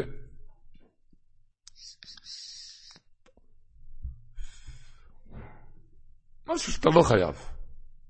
אני חייב לו משהו? אני חייב לו משהו? אה, משהו שאתה לא חייב לו. סיפרתי, הרב לייזרזון סיפר לי את זה פעם, בבדל החיים, הוא היה שם בשעת מעשה. הגיעה אישה, הרב שלמה זלמן אוירבך, פויסי הדור, והיא בכתה שאין לה ילדים. היא בכתה. הרב שלמה זלמן אמר לה, מה הבחירות? הקדוש ברוך הוא חייב לך משהו? הוא חייב לך משהו? התחילה יותר לבכות. זה מתאים לרב שני זלמן, גאון, גאון החסד גם היה, גאון המידות. ש... והאישה התחילה לבכות והיא הלכה. ואמר רב לייזרזון, כשהייתה על יד הדלת, רב שני זלמן קם וניגש אליה ואמר לה, אמר לך עוד הפעם, אמרתי לך, הקדוש ברוך הוא לא חייב לך שום דבר, הוא גם לי לא חייב שום דבר וגם לך הוא לא חייב שום דבר. אבל יש לי איזה עצה בשבילך. תעשי את משהו שאת גם לא חייבת. אז הקדוש ברוך הוא ייתן לך בן אפילו שהוא לא חייב. אפילו שלא חייב לך.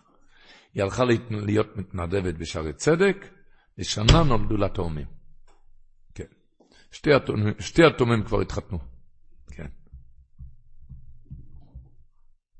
זה סוד של פויסי גדול, זה מה שכתוב גם בקריאת ים סוף. הרי שכוח אומר שרק לכן נכתב קריאת ים סוף. עצות. בן אדם צריך ישועה שלא כדרך הטבע זה בידך. ולא צריכים, לא רק, ואם אני לא צריך ישועה, גם כדאי להכניס שם בבנק, שלא תצטרך אף פעם. תכניס שם משהו שלא כדרך הטבע, תכניס שם משהו. זה בכל העניינים. בכל העניינים ובכל המובנים. היה לפני 40 שנה, הרב זילברשטיין, הרב של רמת אלחנן, עמד שם בשבס אחרי מינכה, לפני קהל רב הוא דרש ואמר דבר שמובא כבר בקדמונים, שכשבן אדם יש לו מריבה עם יצרו, או על העיניים או על הפה, מריבה עם יצרו, לענות לשני ככה עם הפה או עם העיניים, אז בשעה המריבה עם יצרו, בשעת המלחמה, יכול לפעול אז ישועות שלא כותרך הטבע, ניסים. אז כשהוא שותק, יש לו דעה אז בשמיים, יכול לפעול, לפעול ניסים. אם בעיניים או בפה. ישב שם אז אברך, ברמת אלחנן, ישב אז אברך שם מאופקים, היה גר באופקים. האברך הזה היה ילד בבית חולים בבאר שבע עם המחלה הנוראה. לפני 40 שנה זה לא היה כמו היום, ואז היה...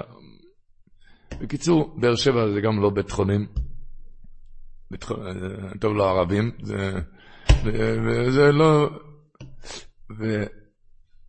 באמצע הטיפולים, הרופא הגדול שם אמר לו, תשמע, צריכים כאן, היו צריכים איזה טיפול רציני ביותר, וזה לא היה שם באזור, אמרו לו, אתה צריך לנסוע עכשיו לבית מרקחת ראשית בתל אביב, ושמה להביא את החבילה, שלא נדע.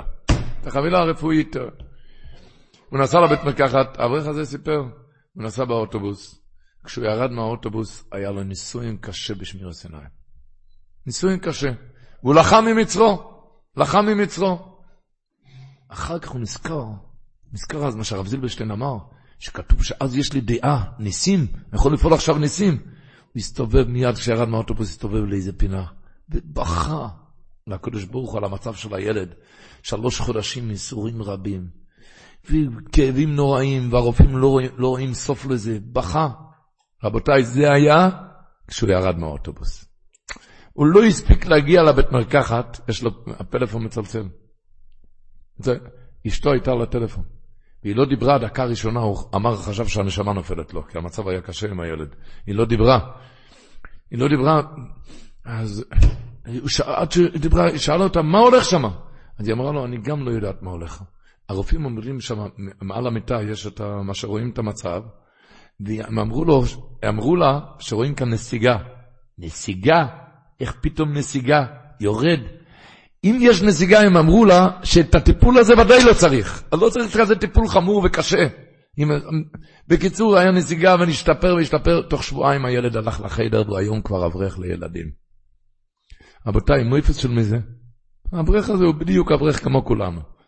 זה מויפס נטו של היצר עורב. בעיטה אחד ליצר הרע והוא עשה את העניין. זה קריאת ים זה מלמד. זה מה שמלמד. זהו זה. בעיטה אחד ליצר הרע. באמת בדברים שכל אחד ואחד יש לו את הניסיונס שלו. איך אומר השבוע לכוביצ'ו? למען אנסנו האלך בתורתי אם לא. אומר האלך בתורתי כשהמצב אם לא. כשהמצב, כשהמצב אם לא, כשהמצב ככה, היצר אורם משתולל ככה. כשהוא משתולל, ואז, אתה יודע, עם השכל, עם השכל,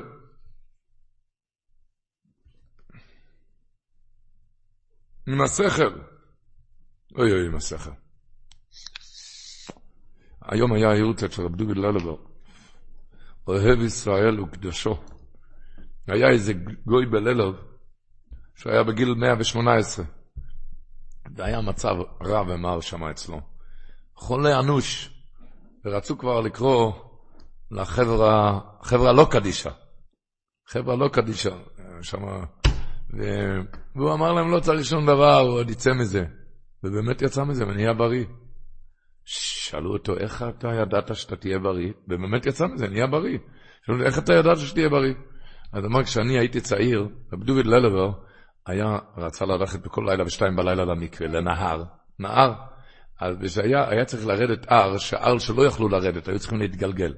הוא ראה את זה פעם אחת, הגוי הזה, כשהוא היה צעיר. מה עשה? הלך ומילא את כל ההר עם זכוכיות, כשהוא יתגלגל, שישרט ויחתך.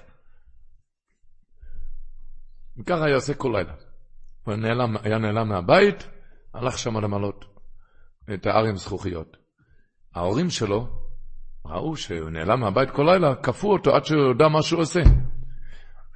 מה שהוא עשה, השם רב דובי ללבר בללוב היה שם מקודש גם אצל הגויים. גם אצל הגויים זה היה שם מקודש. וההורים פחדו שלא יענש על מה שהוא עשה. אז לקחו אותו מיד, ההורים לקחו אותו לרב דובי ללבר, שיבקש סליחה. אז הגיע לרב דוד ללבר, רב דוד ללבר אמר, אה, אתה רצית להביא אותי בניסיון שאני לא אלך למקווה? וברוך השם שהתגברתי על הניסיון. שתחיה עד 120. ובזכות זה הוא חי עד 120. רב דוד ללבר היה אהבת ישראל למעל הראש, אבל אנחנו לא יודעים יהודי שקיבל ממנו ברכה על 120. זה, הגוי הזה הביא אותו לניסיון. בן אדם מתגבר על הניסיון, מזה הוא נהיה גדול, כמו שאומרים, אתה עשית אותי לגדול. על, על ידך. אוי ואבוי מה שחיכה לו על זה למעלה, לגוי הזה, כן? אה?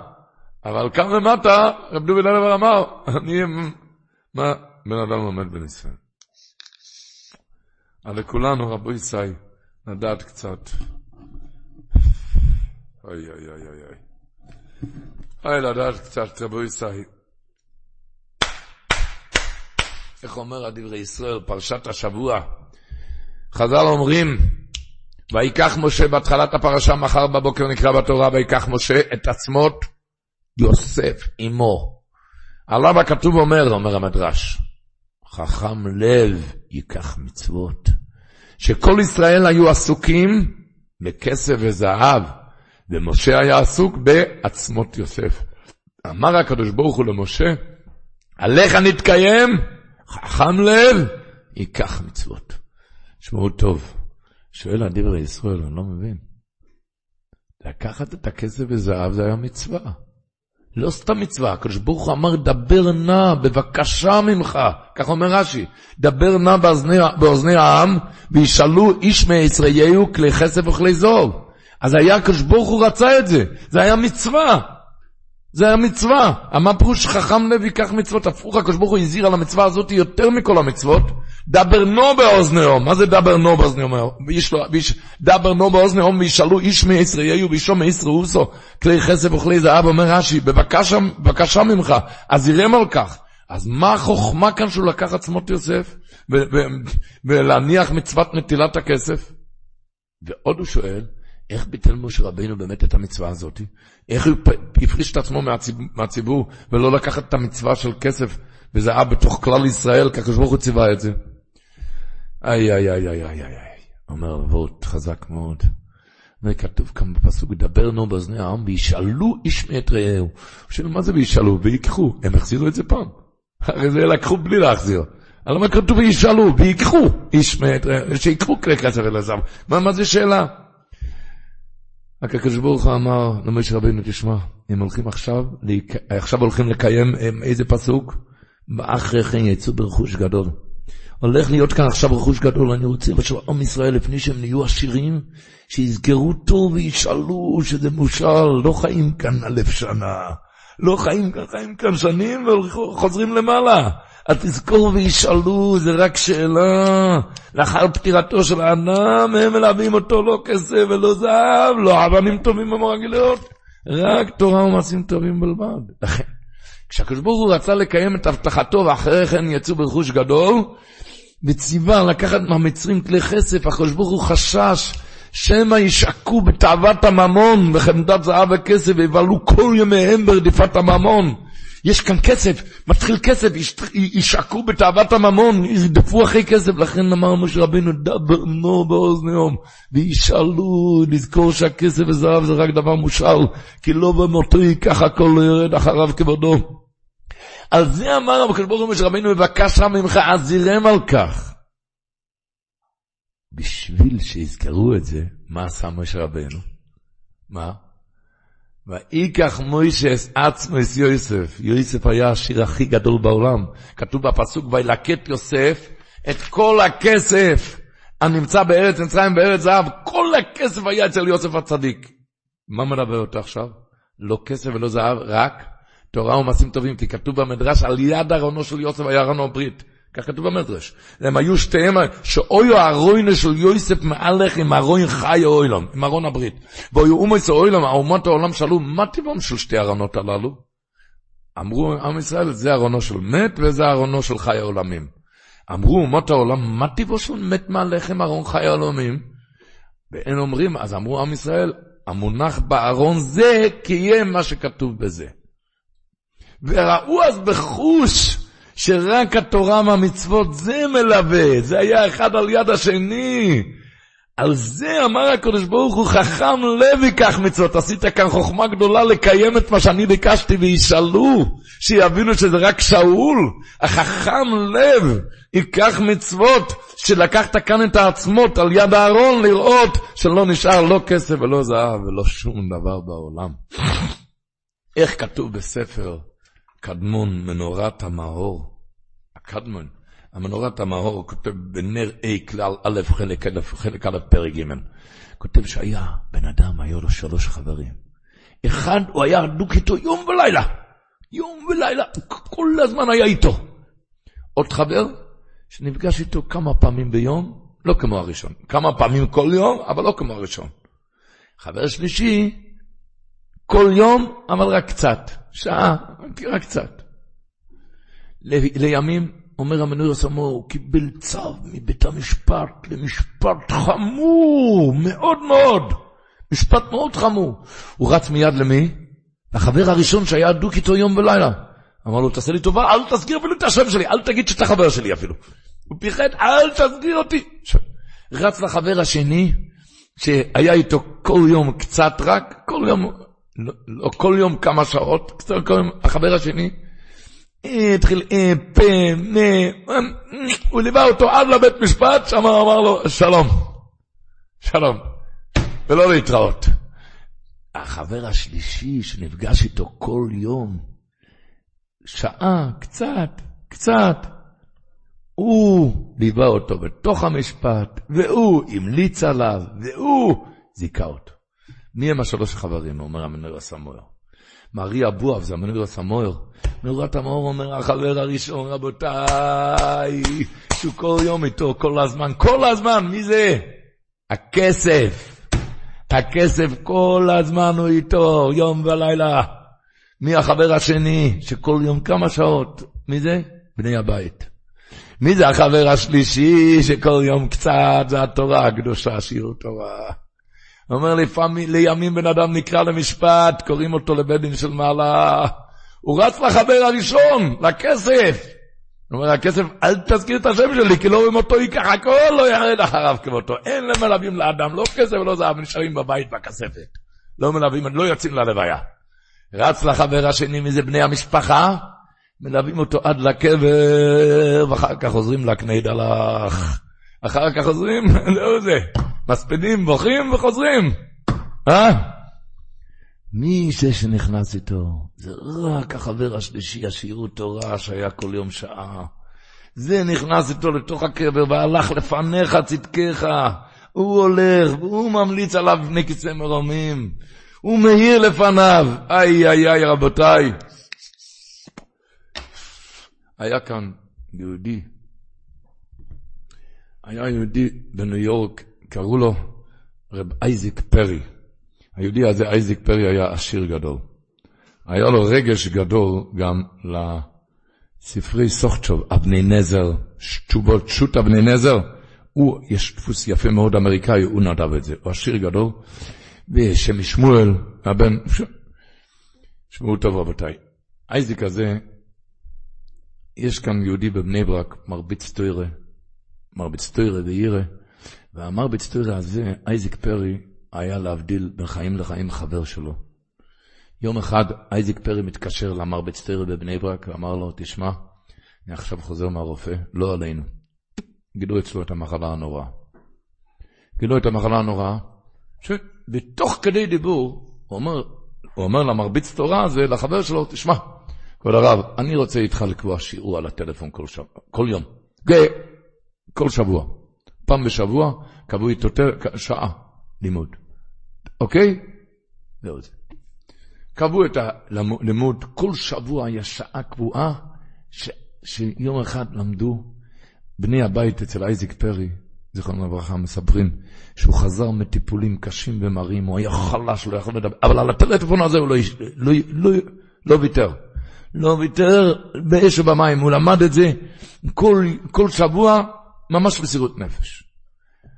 לפני כמה שנים, בחודש מר חשוון, אייזיק פרי הזה נפטר לעולמו, והביאו את הארון כאן לארץ. קברו אותו כאן בקריית שאול בתל אביב.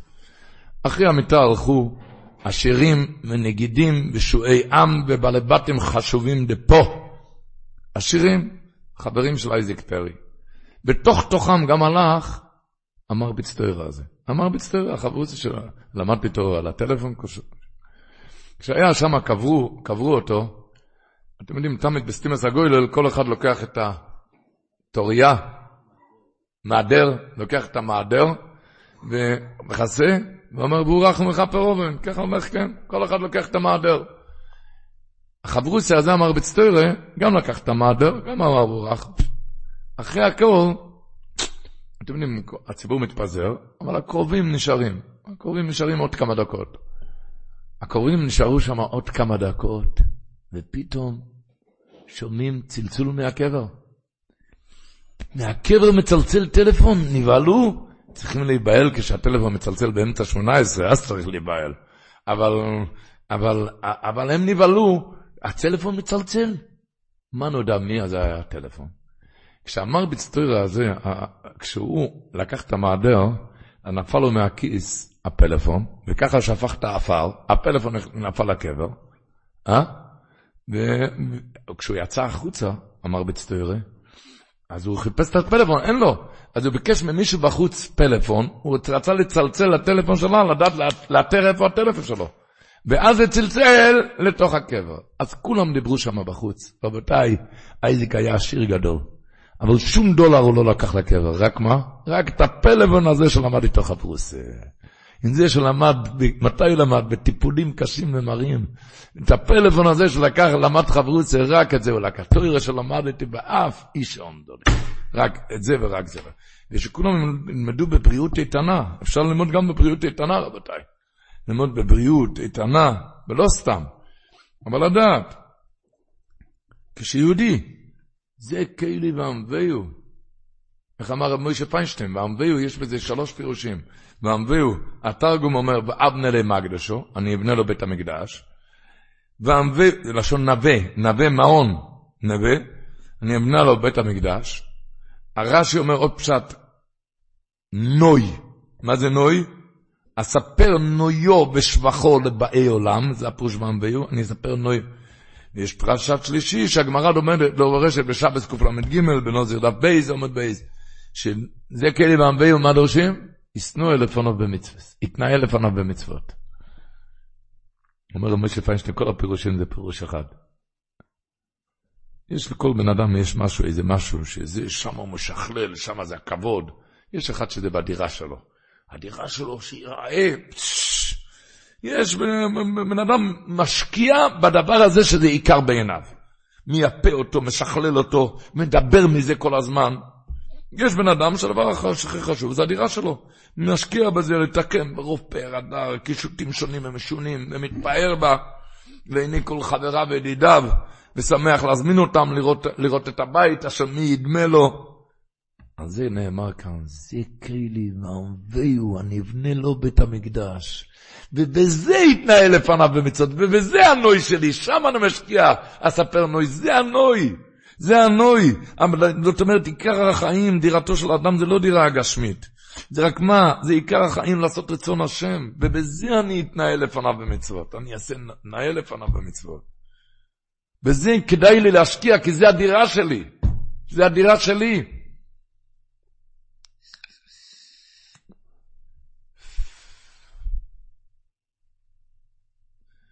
מסופר שהשח, השח, רבינו השח, אחרי החתונה, יש לנו מושג מי זה היה רבינו השח, הוא ישב על התויר ועל האבוידה, מי החזיק אותו? השוור, קסט. כשנגמר תקופת הקסט, והתקרב איזה מועד יום השוק, אתם יודעים מה זה היה יום השוק? יריד, יום היריד. השוור שלו אמר לו, תשמע, הקסט נגמר. קח כסף ולך, לה, ולך לעזרות שם ביום השוק, ונתן לו סכום כסף שיוכל לסחור. הוא הלך שם לשוק, הוא היה ראה שם סימן ברכה, זה מאוד מאוד הצליח בעסקים. מאוד הצליח. ש... איך שנגמר ימי השוק, הוא מאוד הצליח, שב ללמוד כל השנה. שנה הבאה מגיע עוד הפעם השווה, הוא אמר לשח, לרבינו השח, תצא עוד הפעם לשוק, וטענתו בפיו, תשמע, תשמע, מה שאתה עושה השם מצליח. תראה, שנה שעברה הצלחת מאוד ומצאת מאה שערים, ודאי גם עכשיו תעשי כהנה וכהנה. אמר לו השח, תשמע טוב. כך אמר לשלור. ההצלחה שהיה שנה שעברה, זה היה פשוט מעשה שטן להכניס אותי לעולם המסחר, בשביל לבטל אותי מהלימוד.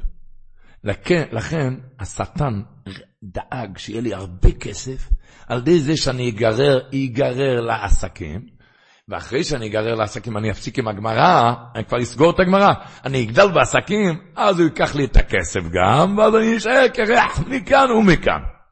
ולכן, אני לא אתן לו. הרווחתי כבר, אני נשאר תורה וגדולה במקום אחד. אז אמר השח, שזה הפירוש הפסוק השבוע, אמר אויב, ארדוף אשיג החלק שלל. מה הפירוש? אמר אויב, ארדוף, אני ארדוף אחרי אברך כולל, אשיג אני עוד אשיג אותו גם. איך? אחלק שלן, אני אדאג שיהיה לו דשמיא, אני אדאג שירוויח הרבה כסף. ומה אני אעשה? תמלאימו נפשי, כשהוא מרוויח הרבה כסף, מטבע הדברים תמלאימו נפשי, הוא רוצה עוד עוד עוד עוד, וככה יהיה מלא רק עם כסף, ויסגור את הגמרא, תמלאימו נפשי, זה הפירוש, כל הנפש שלו יהיה עם כסף, ואחרי שכבר יסגור את הגמרא, ריק חרבי תוריש המו ידי, אני אהפוך אותו לרע, שאני אקח ממנו את הכסף גם. אז אני אענה לו בחזרה, אומר השח, אני עשיתי שנה שעברה כסף, הצלחתי, ואני את הגמרא לא אסגור, ואני אשאר בתורה גדולה במקום אחד. זו התשובה בשבילו.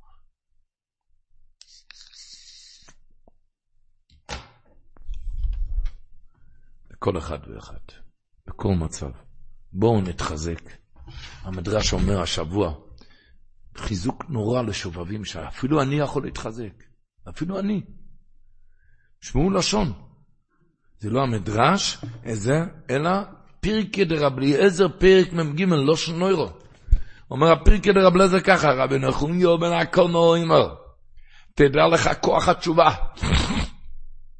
בואו ראה מי פרעה מלך מצרים, שמה? שמרד בצור עליון הרבה מאוד, שנאמר, מי השם אשר אשמע בקולו כאילו מינים? ובאותו לשון שחטא בו, באותו לשון עשה תשובה, שנאמר, פרשת השבוע, מי חמוך באלים השם. והצילו הקדוש ברוך הוא מבין המתים שהוא לא טבע בים. למה בגלל עשה תשובה? אז אם פרעה עשה תשובה, אז אני לא יכול לעשות תשובה? זה אומר רבי נחוניה בן הקון. עוד פעם, נויר נרואס. רבי נחוניה בן הקון אומר, תדע לך כוח, כוח התשובה. בואו ראה מפרעה מלך מצרים שמרד בצור עליון הרבה מאוד, שנאמר מי השם אשר אשמע בקולו. כאילו מילים, ובאותו לשון שחטא בו, באותו, בו בלשון עשה תשובה. שהשבוע אמר מי חמוך באלים השם, והצילו הקדוש ברוך הוא מבין המתים. דבר נורא, חידוש נפלא מצינו בשח על התורה. שח על התורה זה היה מגורי הארי. הוא כותב ככה, יש פסוק בפרשת כי סצה, לא תתעב מצרי כי גר היית בארצו. מה הפירוש לא תתעב מצרי? מי זה? אז אמר מאיר גזח, אנחנו עכשיו הקראנו פרקי דרב לזר, שפרעה לא נטבע בים. למה? נו, כי עשה תשובה, והצילו מבין המתים. אז אומר השח, איפה הלך אחר כך? לנינבה, נהיה מלך נינבה. ויוינו, כתוב בפסוק שחרה לו מאוד, הקדוש ברוך שלח אותו להפוך את נינבה, והם עשו תשובה, ו... ו... ונקרא הדין, וחרה ליוינו. ליוינו הנובי חרה, למה הקדוש ברוך הוא ויתר להם, ביטל את הגזירה? אומר השח, זה הפירוש, השח מביא מצאתי כתוב, לא תתאהב מצרי בלשון יחיד, לא כתוב לא תתאהב מצרים, למה? לשון יחיד, רמז על פרו שערער בתשובה וניצול מים סוף, מקריאת, ומלך על ננבה אחר כך, וחרה ליונת של, על שלא נהפכה, ואמר, יוינה אמר, טוב מותי מחיי, על זה רמז כאן, לא תתאהב מצרי, שלא יהיה מתועב בעיניך, מי? פרו. כי גר, כי כבר נתגייר ועשה תשובה. זה הפירוש כי גר היית בארץ. כי הוא התגייר ועשה תשובה. תתארו לכם מה זה פרוי. שיבד שישים ריבו, שחט תינוקות, הוא עשה תשובה, אז אני לא יכול לעשות תשובה. רבותיי, ימי השובבים, ימי השובבים, לא תתאהב מצרי, כמה אנחנו צריכים להתחזק. הספרסמס אומר, פרשת השבוע, כלל ישראל בין שני לשלישי, כתוב, הם דיברו כאלו מילים. צעקו למשה רבינו, המבלי אין קברים במצרים, לקחתנו למות במדבר, הלא זה הדבר שדיברנו אליך, חדלנו ממנו ונעבדו את מצרים. כאילו מילים נוראות, ככה דיברו. ככה דיברו. ועוד באותו לילה, הם זכו, ראתה שפחה על הים שלא ראה יחזקאל בן בוזי במראות הנבואה. באותו לילה כזה התגלות אלוקי. כזה התגלות. אומר הספרסמס, אתה יודע למה? הקדוש ברוך הוא רצה להראות לבן אדם, אתה במצב הכי גרוע, ברוחניות. בשנייה אחת אתה יכול להפך להתגלות אלוקית הכי גדולה. שכנה אחת. בשעת תוכו דבר יכול. אני מחכה עליך בתשובה, אמר הקדוש ברוך. כל אחד ואחד. הקדוש ברוך הוא מתחנן לבן אדם, שובו בנים שובבים. בואו, בואו תחזור. כל אחד. ככה אומר אחסם סויפו, כתוב השבוע, כל המחלה ששמתי מצרים לא אשים עליך. שלח לכם ספר, איזה מחלות היו במצרים? לא ידענו, לא ידעו לנו ממחלות. אנחנו יודעים, עשר מכות. אם זה מכות, למה לא כתוב כל המכות? הוא אומר, היה שם מחלה אחת נוראה. אתה יודע מה? שהוא לא יכל לחזור בתשובה, כי אני הכבדתי את ליבו. אצל פרעה. וכשהוא היה במצרים, מה שהקראנו לפני כן, זה היה אחר כך הוא חזר, אבל כשהיה במצרים לא יכל לחזור בתשובה. הקדוש ברוך הוא הבטיח שאת זה לא אשים עליך. תמיד אני מחכה עליך שתחזור בתשובה. תמיד, בכל עת ובכל מצב. נסיים בעוד פרט, כשמדברים בענייני תשובה. כתוב השבוע, השלוע הקודש כותב את זה, השלוע הקדוש כותב את זה בהתחלת הפרשה. ויהי ושלח פרעה את העם, נקרא מחר בבוקר, ולא נחם אלוקים דרך ארץ פלישתים, כי קרוב הוא. כי אמר אלוקים פן יילחם העם בראותה מלחמה, ושבו מצרימה. שמעו טוב רבו ישראל, לשון של השלוע הקודש. ראה והביטו. כמה צריך האדם להתבונן, לעשות גדורים, גדרים וסייגים והרחקות שלא יבוא לידי עבירה. הנה, אומר השלב הקדוש, הנה, הקדוש ברוך הוא בעצמו ובכבודו עשה הרחקה פן ינחם העם בראותה מלחמה. זה התורה כותבת כאן. תמיד תעשה לעצמך גדרים, תעשה לעצמך גדרים וסייגים. לכן התורה כותבת פסוק הזה, ולא ינוחם אלוקים דרך ארץ פלישתים, כי קרוב הוא, כי אמר אלוקים פן ינחם העם בראותה מלחמה. כמה ראה והביטו, כמה צריך האדם להתבונן. לעשות גדרים וסייגים והרחקות שלא יבוא לידי עבירה. הנה הקדוש ברוך הוא בעצמו בכבודו עשה הרחקה פני העם. הוא מסיים על זה דבר נורא. הוא כותב, שולוים שולוים, לא רוחק ולקורב, אומר השם. אז הוא אומר, שלום שלום לרחוק, אומר השלום הקדוש. למי שמתרחק מחשש עבירה על די, על די גדרים וסייגים, זה הפירוש של הרחוק, מתרחק עם גדר, ולקרוב, הוא נהיה קרוב לקדוש ברוך מי שעושה גדר. שמעתם? שולם שולם לא רוחק, מי שמתרחק מעבירה עושה גדר, הוא נהיה קרוב. יש לו הלכה אחרת, קרוב יש לו, איך אומרים, אני אהיה ירחק קודמים, זה הקרוב. קרוב לקדוש ברוך נהיה קרוב, יש לו הלכה אחרת. אומרים, אני קרוב של הרבה הזה, זה משהו אחר. קרוב זה משהו אחר. זהו זה, הוא קרוב.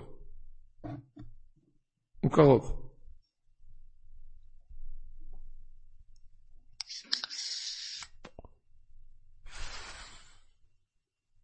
קרוב. זה משהו אחר לגמרי. איך אמר הרב פינקוס, היה בטיש של אסת מרוב. לפני שנים רבות. הוא תפס מקום לפני שהוא נכנס הרבה. ואיך שהרבה נכנס, הרימו אותו כמו ציפור, טיק טק מעל הפרנצ'ס, בחוץ. אחר כך הוא רואה, נפתח שתי שורות, ואיזה ילד אחר, אחר בגיל שלו, פותחים לו, מכבדים אותו. שואל, מה האפליות כאן? אמר, אמרו לו, הוא אחיין. הוא, הוא קרוב של הרבה. אז הוא ראה מה זה קרוב. אתה נהיה קרוב אצל הקדוש ברוך הוא. כשלא הקדוש מבטיח אחרי גדר, יש לך הלכה של קרוב, זה משהו אחר. קורב זה משהו אחר. נהיה קרוב. נהיה קרוב. בדור שלנו, גדרים, זה מה שהקדוש ברוך הוא מבקש מאיתנו, תשפ"ג, מה יש לדבר? קראנו שבוע, שבוע שעבר את היסוד יוסף, שהגדרים, סייגים, ככה הוא כותב, דבר אחד, שהם נהיים המלאכים להגן על האדם אחרי יציאת נשמה, לא נותנים לאף אחד להתקרב. מי זה? הגדרים ביראת שמיים, זה נהיה המלאכים שמגנים עליו. והדבר השני הוא כותב, שהנחת רוח שיש לו הקדוש ברוך הוא, כשבן אדם עושה גדרים, שלא ייכשל, הוא ידע נכשל. הוא עושה גדרים, יש לקדוש ברוך הוא הזנחת רוח יותר מכל הקורבנות שבעולם. ואז הקדוש ברוך הוא עושה פתחים בחלונות בשמיים, שישמרו עליו, שלא ייכשל אף פעם.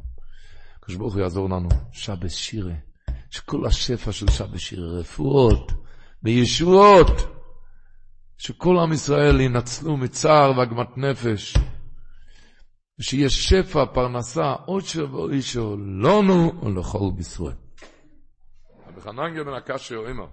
עולם שלם של תוכן מחכה לך בכל הלשון, 03 617 1111